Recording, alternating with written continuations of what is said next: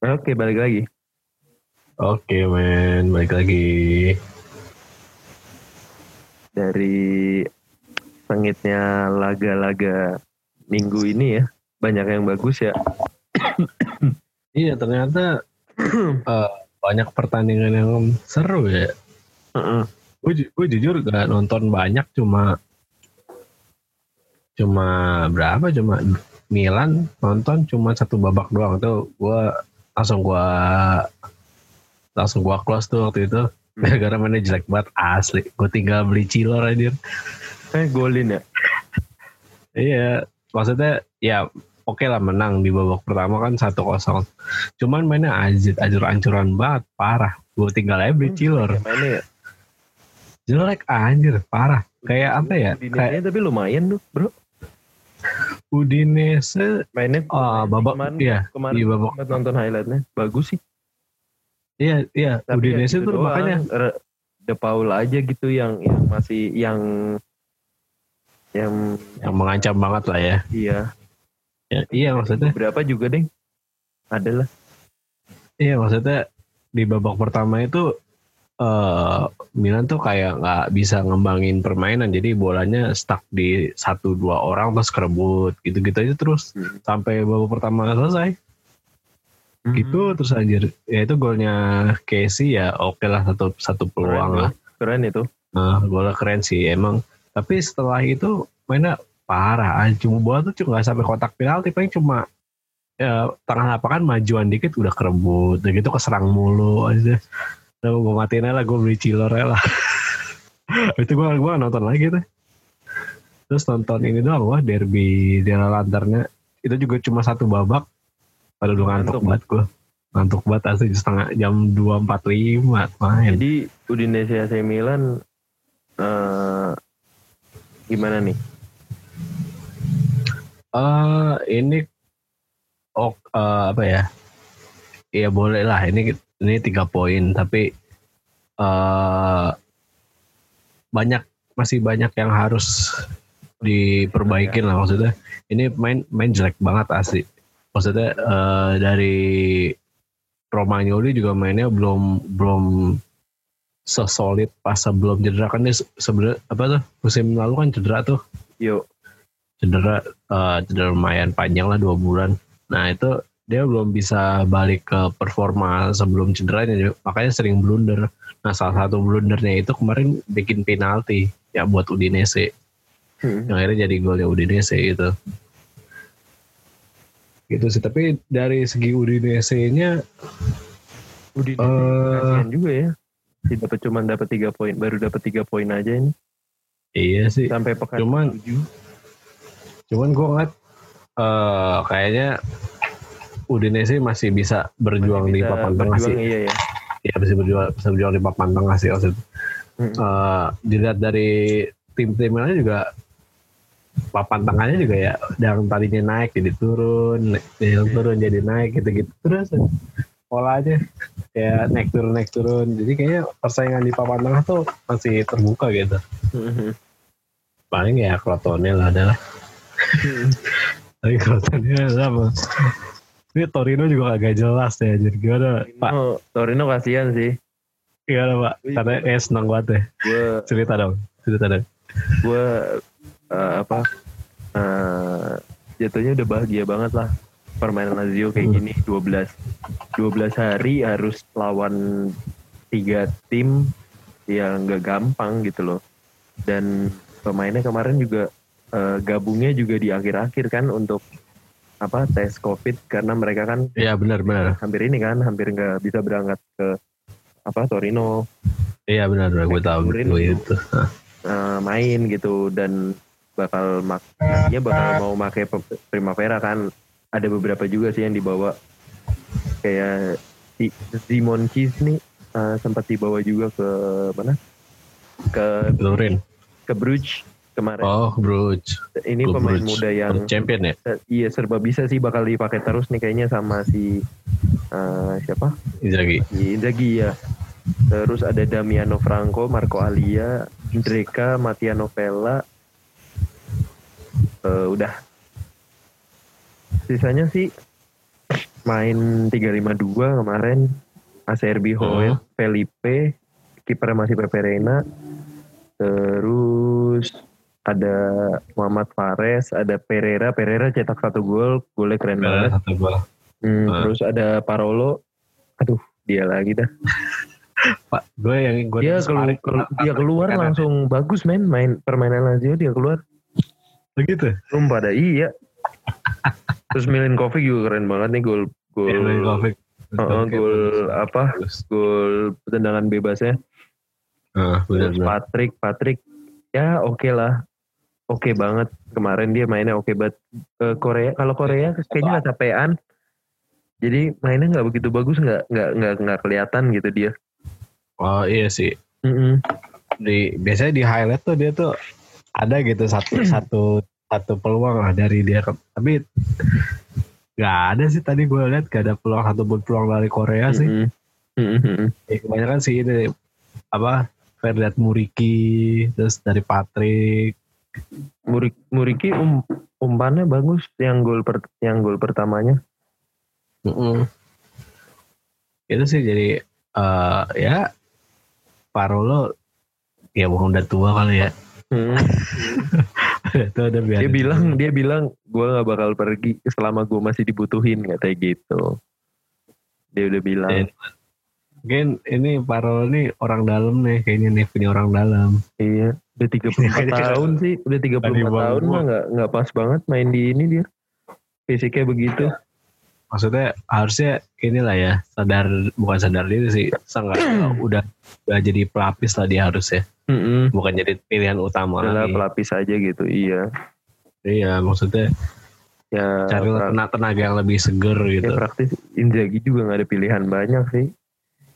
iya paling Siapa yang mau diturunin kalau kalau mainin. Sebenarnya sih bisa kata Aldi cuma kan hmm, apa? Udah ada Pereira sama Milenkovic tiga-tiganya nyerang ntar. Iya makanya Nah, yang nih, ya. paling posisinya sama kayak Parol paling sih Lukas Leiva dong udah gak ada gantinya lagi. Ada lagi iya. Iya benar seinget gue gak ada sih. Cuma Lukas Leiva sama Parol doang karena posisinya bisa dibilang Parolo iya iya benar iya kan? Mm-mm. maksudnya ya gitu maksudnya harusnya dua orang itu tuh udah jadi pelapis lah Lukas Leiva sama Kemarin Luis Alberto udah. juga masih eh, apa kayaknya positif Covid ya Covid, iya masih Covid ya masih Mhm. Covid ya yang baru gue lihat tuh masih main PS dia Mm-mm. terus terus ceritain dong eh, apa ya. ya ada pertandingan dong aneh ya sih Iya. kalau orang-orang bilang kalau orang-orang bilang Lazio selalu dapat ini di akhir gitu sebenarnya kalau misalnya lu nonton dari awal banyak malah banyak ini malah banyak eh, Lazio seharusnya bisa bisa ngelihat yang gol penalti itu bisa ngecek VAR. Yang gol penaltinya Torino itu bisa ngecek Iya VAR iya gue lihat. Ya. Ah. terus yang ada beberapa pelanggaran juga lah bisa ngecek VAR cuma apa ya kayak eh ya bag- bagus aja sih dapat dapat tiga poin bro Oke, terus gue lihat di sini ya pelanggaran cukup banyak, ada 22 Oh, banyak, pelanggaran coy. nih. banyak banget 22 pelanggaran, Mm-mm. dua kartu kuning buat Torino, empat kartu kuning buat Lazio. Berarti ini laga, gue kan nggak nonton ya, berarti jalannya lumayan keras, lumayan keras lumayan keras lah ya, lumayan keras lah ya. Hmm. Jadi banyaknya pelanggaran gini. Terus menit 90 plus 8. Itu Gila, karena maksudnya karena panjangan untuk memutuskan penaltinya sih. Kan tadi 90 plus 5 Iya, 90 plus 1 eh, si siapa? Si siapa tuh ya kemarin yang nge-shoot ya? Apa Akro apa siapa gitu. Pokoknya kena kena dua tangan lah. ya. kena kena tangannya si Thomas Rincon Heeh.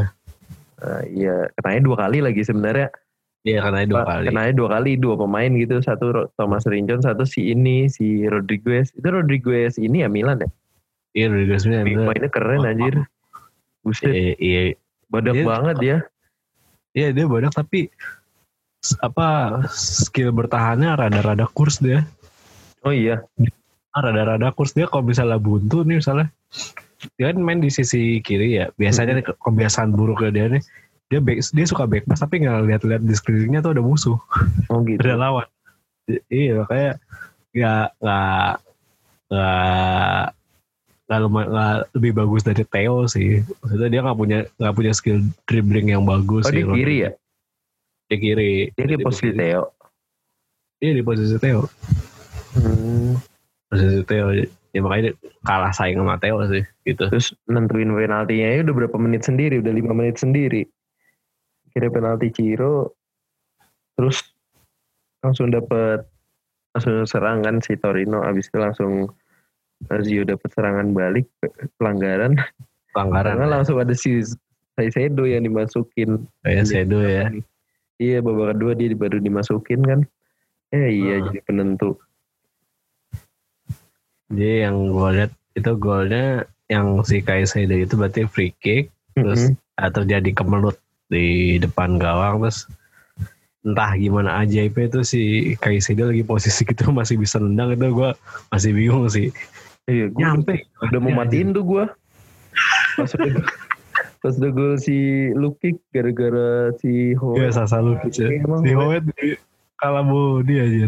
Iya. Itu gue Buset, Kalau Budi ya sama kalah dia sama aneh banget. Sasa Lukic. Budi sampai sampai beneran mental gitu. Mm-mm. Nah cuma kayak jatuh kayak kayak mental udah nggak bisa gerak lagi deh. Iya. Wah agak ada usaha buat bangun gitu. Udah duduk. Ada orang lucu banget aja. Iya. Tapi ini Hmm, apa? bagus sih. Ba- maksudnya kemenangan yang bagus sih buat Lazio sih maksudnya.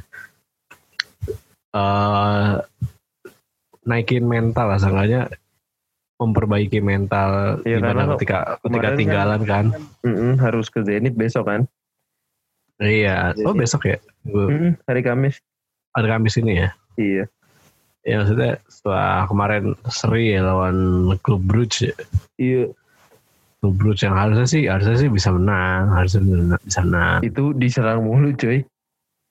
Ya, Sama ya Brugge. secara secara secara materi pemain harusnya bisa menang. Cuma Mm-mm. somehow gue ya nggak nggak tahu ada faktor non teknis lah di di Pasti di luar ada. lapangan pasti ada kan.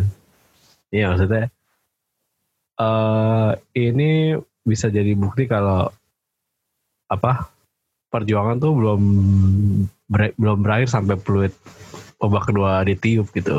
Iya sih. Peluit a- panjang akhir pertandingan tuh ditiup Betul betul. Ya, itu maksudnya mantap lah sini mantap kemenangan yang bagus lah ini Kalau pindah ke laga Crotone Atalanta, Toto banyak- Atalanta itu lah ya. ah, banyak lah gua gua nonton yang penting tapi yang gue Jumat Muriel ini, hari Jumat kan? iya dia pertandingan pertama Iya. pertandingan pertama Crotone sama Atalanta yang Oh, iya. Luis Muriel bikin dua gol Mm-mm. seperti biasa tapi eh ya gol-gol khas Muriel sih kayak dari kotak dalam kotak penalti terus Mm-mm. ngecoh pemain lawan udah gitu dong biasa biasa biasanya nggak nggak ada yang terlalu bisa dibahas lah Iya. Si apa? Si Atalanta kemarin lawan Ajax baru berapa sih? Lupa deh gue. lawan Ajax gue juga lupa dia cek Menang apa kalah sih? ya? dia? Tar, Iya, kosong kosong ya. Champions League coba Gak hafal juga sih gue skornya Ajax Atalanta dua sama Aduh sama ya. Ah, dua, dua sama Dua sama terus Gue nonton Ada-. Atalanta sama Crotone sama Ajax juga. Iya gue minggu kemarin tuh Champions League apa ya gue tonton ya Kayaknya gak ada dah Gue lagi doang. Eh, maksudnya gue tadi mau nonton apa ya eh Juventus Barcelona cuma gue ngantuk banget itu anjir Iya itu itu apa? Menurut lu si golnya si Morata beneran harus eh di dia nulis tiga kali gimana sih? Aneh anjir. Ya tapi Ah. di zamannya di zamannya VAR sih ya Iya maksudnya Lu wasit rambut jadi- aja kelihatan gitu. Iya. Iya maksudnya ya mungkin emang apa saja kali si Morata ini Iya. lagi apa saja buktinya kan setelah itu setelah lawan Barcelona yang kalah ini kan dia berapa kali kena VAR tiga kali Tiga kali dia. Tiga kali kena Eh tiga apa empat kali ya? Lupa gue. tiga deh singkat gue singkat Tiga, iya. tiga ya. Singkat gue tiga. Nah akhirnya dia bisa bikin gol nih akhirnya di pas lawan Kalau menurut gue kalau menurut gue sih ya kalau di zaman VAR udah susah sih. Iya. Dan zaman ada VAR mau ya, mau nampol ya kayak kemarin yang si si mobilnya nampol Fidel juga langsung ini ketahuan. Iya Heeh. Padahal nggak bisa nggak bisa disembunyiin lah cuman Hmm, nggak bisa disembunyiin udah zaman VAR mah.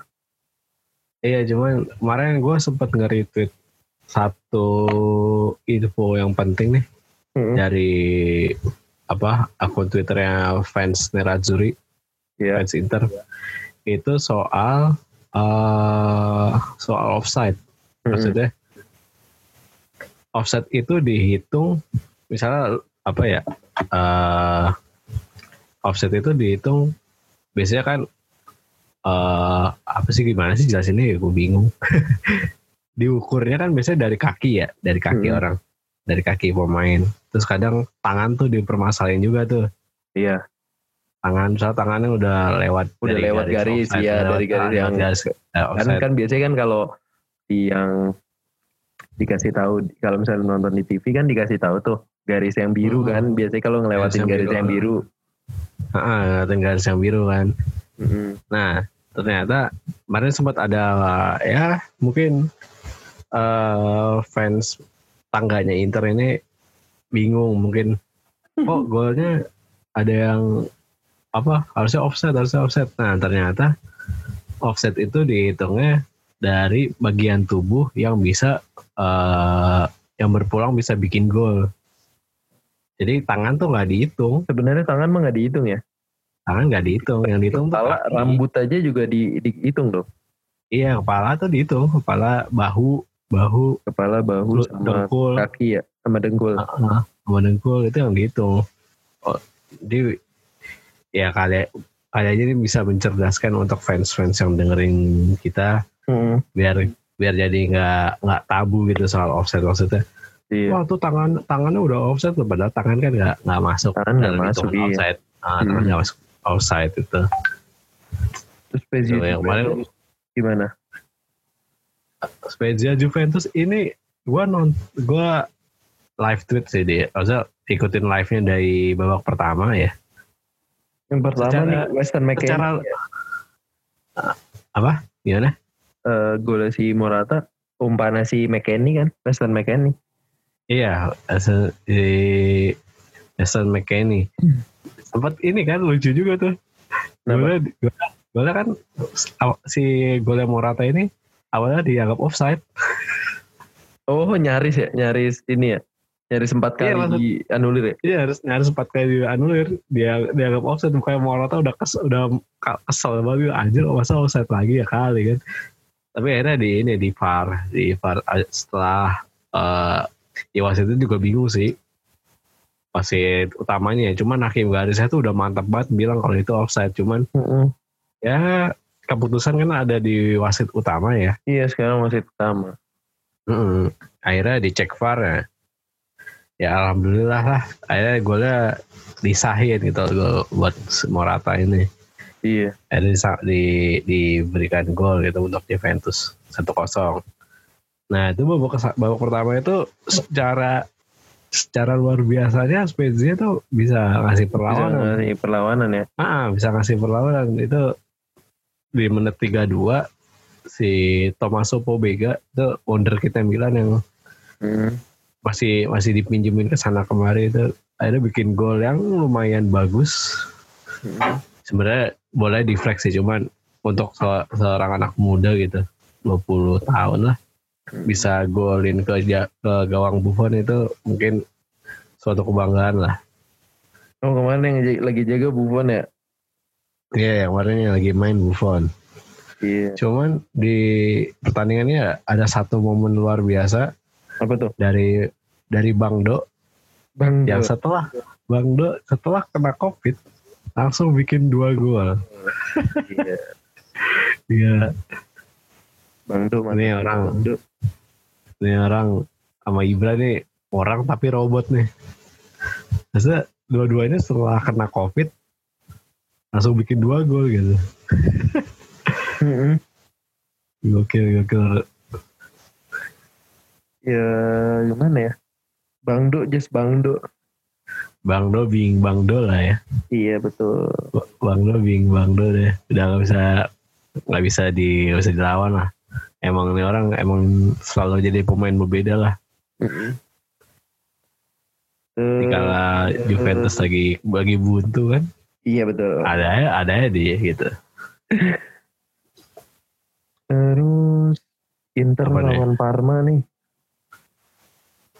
Lagi-lagi ya Inter seri. Iya. Ini laganya laganya Parma kali ini didatengin oleh salah satu milik barunya Parma dari Amerika. Oh iya, pre- yang, Kyle yang Kraus. baru itu. ya? Iya, Iya iya iya. Kyle Kraus. Pengusaha supermarket. Apa tuh Alfa Midi? Kyle Engo apa nggak salah. Eh, kan Ini Alfa Midi. next nextnya mesti kita bahas nih kayak apa Ya owner-owner gitu. ya. owner yang iya owner yang dari Amerika kan udah kayaknya udah mulai sering ini sering Udah udah ada tiga ya udah ada tiga kalau nggak Udah. salah dari hmm, Amerika termasuk salah satunya ownernya Fiorentina kan ya. tapi dia keturun tapi dia keturunan Itali sih hmm, nggak nggak pure Amerika ya. iya nggak pure pure Amerika kalau ini si Kyle Kraus ini dia kan bininya orang Itali dan Hmm. memang kayaknya orang asli Parma Oh, mungkin apa sih nama juga kotanya ya. Parma apa sih Parma Parmigiana apa? Parmigiana? Parmigiani ya Parmigiana. Parmigiana bukan fansnya ya? emang iya Pak em, Parma, Emilia Romagna, Romanya. oh Emilia Parma, Roma Emilia Romagna. Ah, Emilia, Parma, Emilia Romagna. oh berarti masuk ke ini dong dia Eh, mana sih ini oh iya emang Parma Italia namanya kota Parma Nama, nama kota Parma di Emilia Romagna. Emilia Romagna. Ah, ah. situ. berarti satu satu section sama San Marino juga dia Iya. ah. deketan lah ya. deketan Deketan sama San Marino. It- Iya berarti KLJ Kraus ini datang datang ke San Siro kan untuk nonton hmm, hmm, hmm. terus nggak taunya seri ya bagus Tapi- juga sih Nah, bagus juga buat untuk Parma ini hasil yang bagus sih maksudnya. iya Eh ya, se- Parma itu malah sempat memimpin dulu dua gol dari Gervinho. Mhm. Lumayan- Iya, benar. lumayan Gerbi Susul sama Brozovic sama Perisic. Ini Inter mainnya lagi nggak hoki aja sih kalau menurut gua. iya Ah, Parah. Depan gawang berapa kali tuh peluang nggak nggak ada yang jadi gol. Perisic terus siapa? eh Barella apa siapa gitu. Lupa. Martinez Lautaro Martinez. juga kayaknya beberapa Lautaro. kali dia Ah, Hakimi pokoknya benar-benar digempur itu si Parma cuman nggak tahu kenapa itu yang gol golnya yang terakhir aja itu si Kolarov. Umpannya ngeri juga tuh. Keren. Iya, itu orang kacau sih anjir umpan-umpan kayak gitu deh. Shooting dari luar kotak penalti. Masih kencang banget aja ten- tenaganya parah. Iya. Udah tua bagus gitu. lah Kolarov. 33 ya apa 34 sih? Tiga tiga tiga empat masih tiga empat tiga empat. Terus ini laga seru juga nih bolonya Cagliari 3-2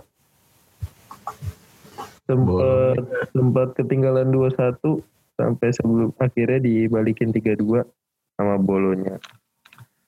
Ini Musa Baro emang badak banget. Iya Musa Baru Asli. sih. parah dari parah asli. dari musim lalu sih. Dari musim lalu iya. Mm-mm, Tapi- dari musim lalu dia udah bagus. udah bagus terus di pertandingan ini dia lagi-lagi membu- membuktikan kelasnya Siapa? dua gol Musa Barrow Iya, Musa Baro. membuktikan kelasnya maksudnya nggak bisa dianggap sebelah mata emang nih striker maksudnya Mm-mm. badak banget anjir badak banget terus apa eh syutingnya tuh juga bagus-bagus kan Hmm. dua dua gol dua dua golnya itu pressing nih anjir keren banget Mm-mm. Bener bener bener. Ya bagus lah untuk untuk bolonya untuk masih bisa kompet di papan tengah. iya masih masih dari lawan diberikan dari lawan Lazio juga sebenarnya emang gak gampang gitu. ya bolanya bukan gampang Iya, gampang, mereka yang juga- gampang dikalahin nah, Iya. Bukan tim gampang yang dikalahin gitu. eh, emang sebenarnya si Mihajlovic ini emang sebenarnya kan pelatih bagus cuman ya kadang aja apes gitu Mihajlovic ini mau pelatih bagus cuman emang mungkin lagi nggak hoki aja itu Terus ada lagi yang terakhir ya bro. Derby della Lanterna. Eh belum ya? Derby della Lanterna udah tadi Oh iya udah ya.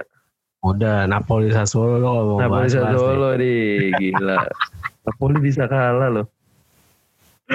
asli Sassuolo banget ini bro.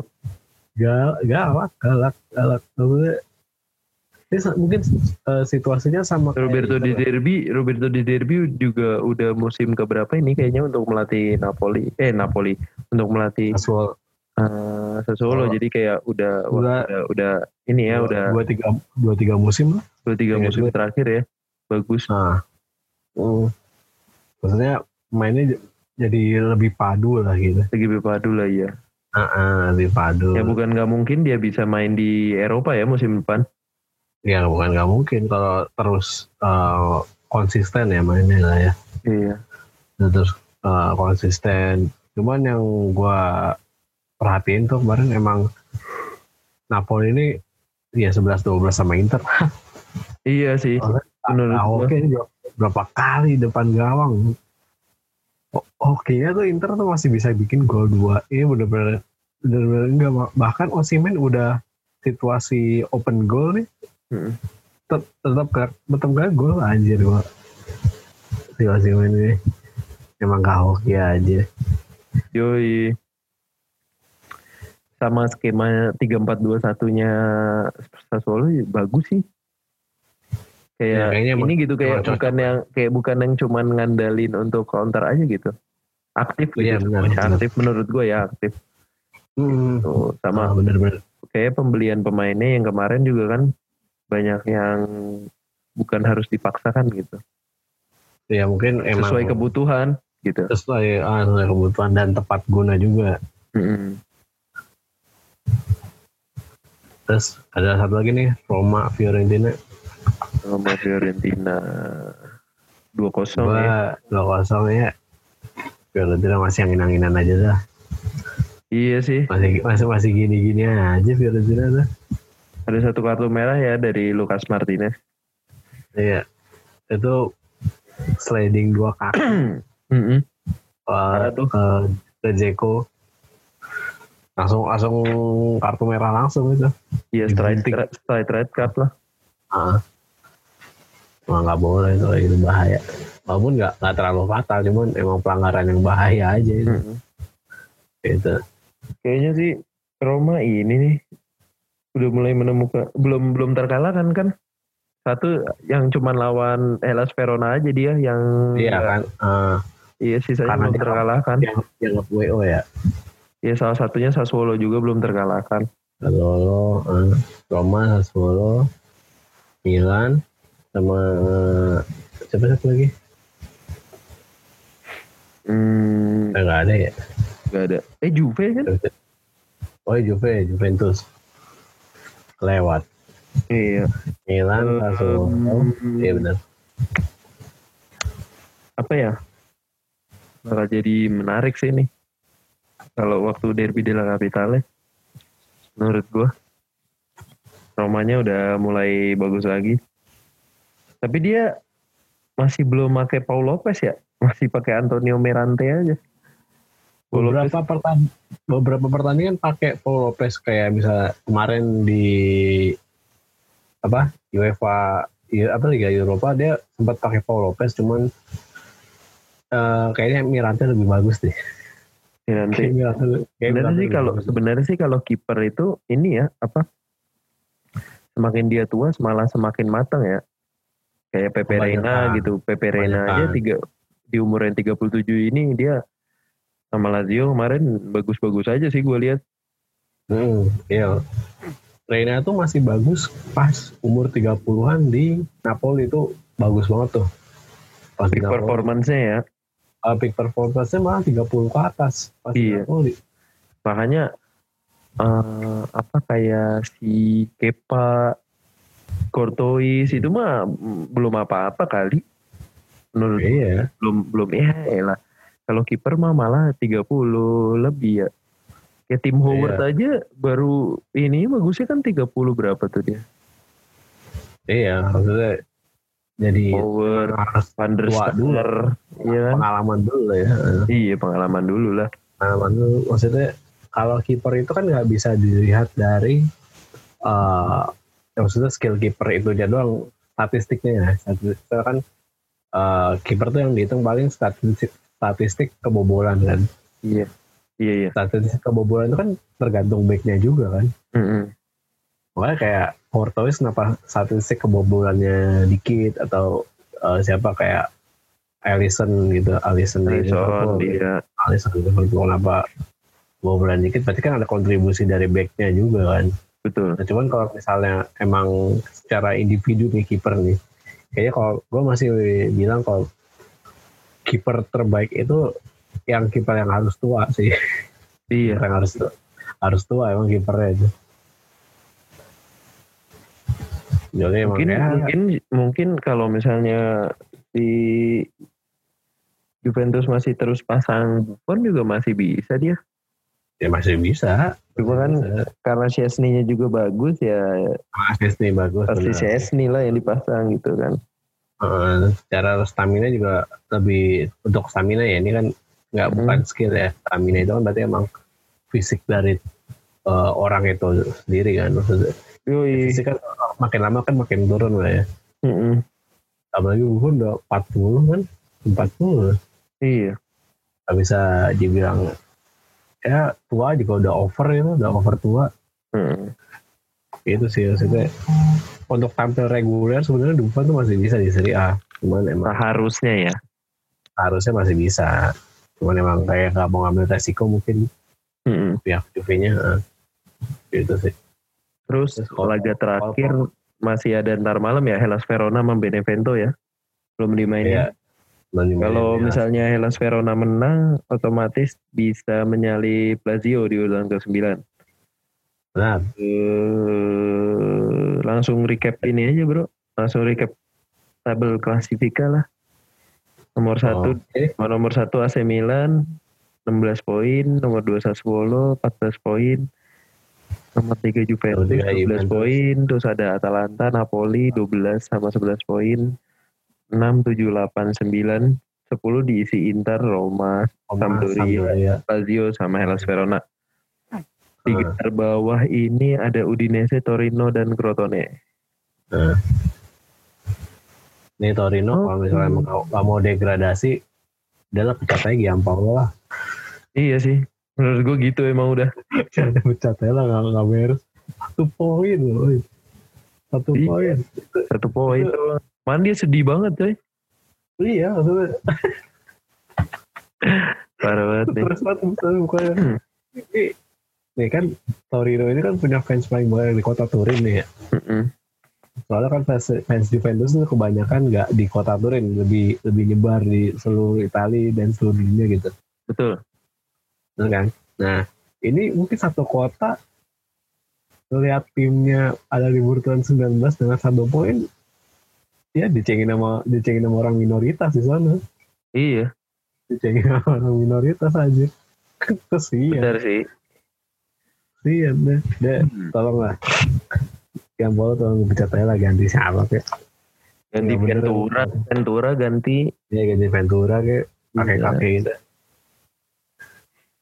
Ya seenggaknya bisa ngangkat lah. Semoga Hmm. bisa sih. Betul.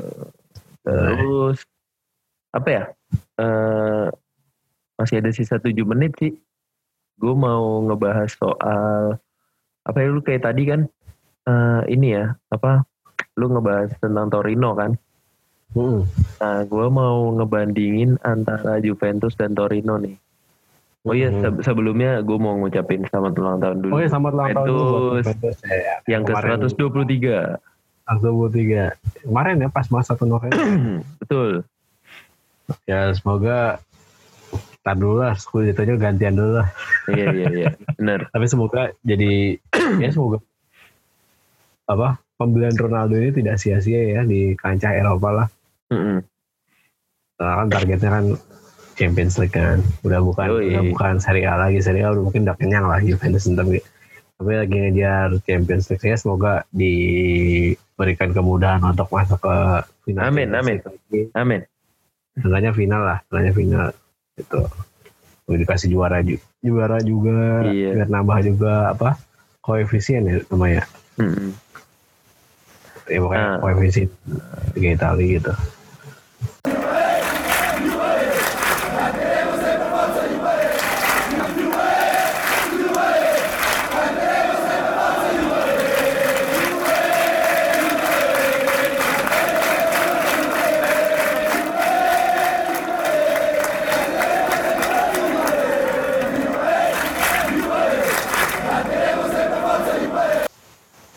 Soal Juventus sama Torino ini, Gimana? ini adalah eh, dua klub eh, tertua di Itali.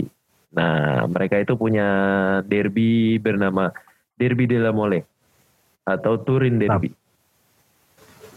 Nah, itu dia itu hmm, apa? Juventus ini di eh, apa? Dibikin lebih di iya dibikin lebih eh, tua ya daripada Torino. Makanya Ya, dia mendapat julukan sinyonya tua karena dibuat didirikan tahun 1897 dan Torino baru tahun 1906. 06. Iya. Heeh. Sebenarnya eh apa di kota Turin itu kan ini ya, Bro. Apa? Kayaknya eh beberapa tahun belakangan memang lebih condong ke Juventus kan daripada ke Torino. Iya. Dari dulu benar. malah ya. Hmm. Basis fansnya lebih ke arah Juventus gitu. Iya benar. Terus juga Juventus kan lebih apa ya, lebih menurut gue lebih eh, established lah gitu. Dengan apa? Dengan pemiliknya yang baru eh pemiliknya yang baru dengan pemiliknya mampu Emang- membuat Juventus Stadium gitu. Ah benar. Nah, eh, Juventus Stadium ini apa namanya dulu? Alpi ya, Dele Alpi ya? Stadio delle Alpi. Iya, Stadion Dele Alpi yang diresmikan pada tahun 2017 setelah sebelumnya eh, numpang juga nih di eh, Grande Torino, Stadio Olimpico benar. Grande Torino. Stadion Torino juga ya, gitu. Iya. Terus apa ya? Kayak sebenarnya Torino mah apa?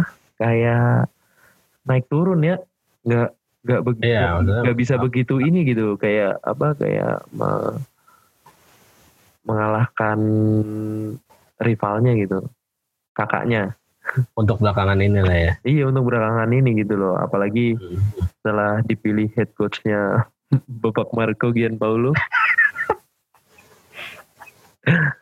Aduh. nah te- Yang, eh, yang apa? aneh ini ya. Aneh yang aneh ini ya. Maksudnya kan yang lebih angin-anginan kan Torino lah ya. Bisa dibilang ya. Tapi kenapa fans di kota Torino tuh lebih banyak lebih banyak ke Torino dibandingkan Juventus? Menurut lo kenapa? emang iya ya Fans Torino, iya. Fans Torino tuh lebih banyak lebih banyak di Turin dibanding Juventus.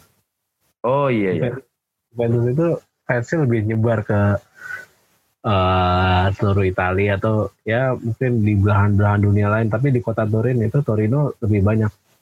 Mungkin karena nama ininya bro, Turin. bisa bisa No, jadi. kan kalau misalnya kalau misalnya Roma aja gitu kan, Roma. Hmm, karena kota basis kotanya basis kota Roma gitu. Kalau Lazio kan ada daerahnya sendiri tuh. hmm, hmm, gue sih ada daerahnya sendiri dia gitu. ya daerah daerah kecil gitu ya kalau sih ya. Mm-mm. dibilang daerah kecil gitu ya kayak Iya. kecamatan lah Heeh. tapi kalau menurut gue nih Torino tuh bisa ngambil bisa apa bisa ngambil banyak masa di kota Torino itu karena dulu ada tim namanya nama sebutannya ya nama terkenalnya Grande Torino pak Oh, jadi Grande Torino itu yang sekarang jadi apa nama nama stadionnya kan Stadio Nama Olimpico stadion Grande Olimpico Torino Grande kan. Torino. nah Ya. ya itu Olimpico Grande Torino yang Dulu ada klubnya namanya Grande Torino. Nah itu Grande Torino itu yang eh secara naas mengalami kecelakaan di Bukit Superga pada tahun 1949. 1949. Nah itu tim terbaik saat tim terbaik di Italia saat itu tuh itu tuh beberapa kali Scudetto beruntun. Mm-mm. Terus emang talenta talenta terbaik Italia itu eh asalnya dari situ kayak eh gue lupa ada siapa ada siapa namanya pokoknya salah satu tim yang sangat diunggulkan di masa itu sebelum Iya. akhirnya kecelakaan di Bukit Superga itu. Hmm, itu sih. Kalau menurut gue ya kenapa? Jadi tim yang sangat eh, kaya akan sejarah sih kalau Torino ini. Mm-mm. kalau menurut gue makanya fansnya lebih banyak dibanding Juventus di kota Turin. Bahkan si anaknya Bonucci aja fans Torino kan. iya salah satu anaknya Bonucci. Salah satu anak Bonucci aja fans Torino gitu. Torino Iya. gitu Terus kan satunya lagi fans Juve satunya lagi fans Torino Yoi. Eh, udah apalagi Pak? lambangnya, em- lambangnya emang begini ya? Dia ya? ya, emang banteng Emang banteng kan? ya emang banteng kan Torino itu asalnya dari kata Toro Iya, El Toro ya. dari Toro akhirnya bant, eh, banteng itu Toro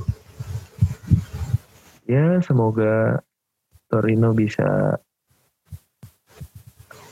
bisa bangkit lah ya. iya bisa ya maksudnya ini kacau juga tingkat 19 woy. bangun woy bangun Iya. Jadi, Untuk ya boleh emang layak deh kalau misalnya di degradasi musim ini ya kayak kurang seru aja gitu. Mm-mm. jangan dulu lah Gitu, Bro. nah apalagi yang mau lu bahas tuh Udah itu aja Itu aja lah ya kali ini ya. paling Itu Apa? dulu aja kali ya. ya tipis-tipis dulu aja lah Iya. paling eh buat ini aja nih penutup deh Apa tuh? Giornata 7 Lazio Juventus Oh iya, bener. Ya, Ada mainnya, so- mainnya sore ini jam 6. mainnya sore setengah tujuh. Iya. Iya, setengah tujuh. ada dua pertandingan seru nih. Lazio Juventus Atalanta Milan. Hmm. Atalanta Atalanta Inter Milan. Ah, apa apa lanjut nih bisa lanjut dari 18.30 paling kan selesai setengah sembilan. Langsung lanjut nih. Goks. Oh seru nih berarti hari Seru. minggu minggu ini kita ada ya mungkin bisa dua dua dua live tweet gua iya gua live bisa. tweet atau first time live tweet atau bisa sibuk bisa. nonton. Gue yang live tweet. Yoi. Gitu kayak kayak kayak akan pokoknya nantiin aja dah ya. yang sama yang apa ya? Champions League dan Eropa League. Nggak usah kali ya. Champions League. Gak usah lah. Nggak usah lah ya. Ntar aja kita dibahas aja ah. ada ada eh, pokoknya ada edisi khusus spesial. Mantap nantinya nantikan saja ya Ya. oke udah cukup banyak waktu yang kita berikan untuk anda Ya, Saatnya gue pamit. Banyak juga. Gue juga Kita- pamit. Gue Fahri cabut. Gue Faisal juga cabut. Bye bye. Bye.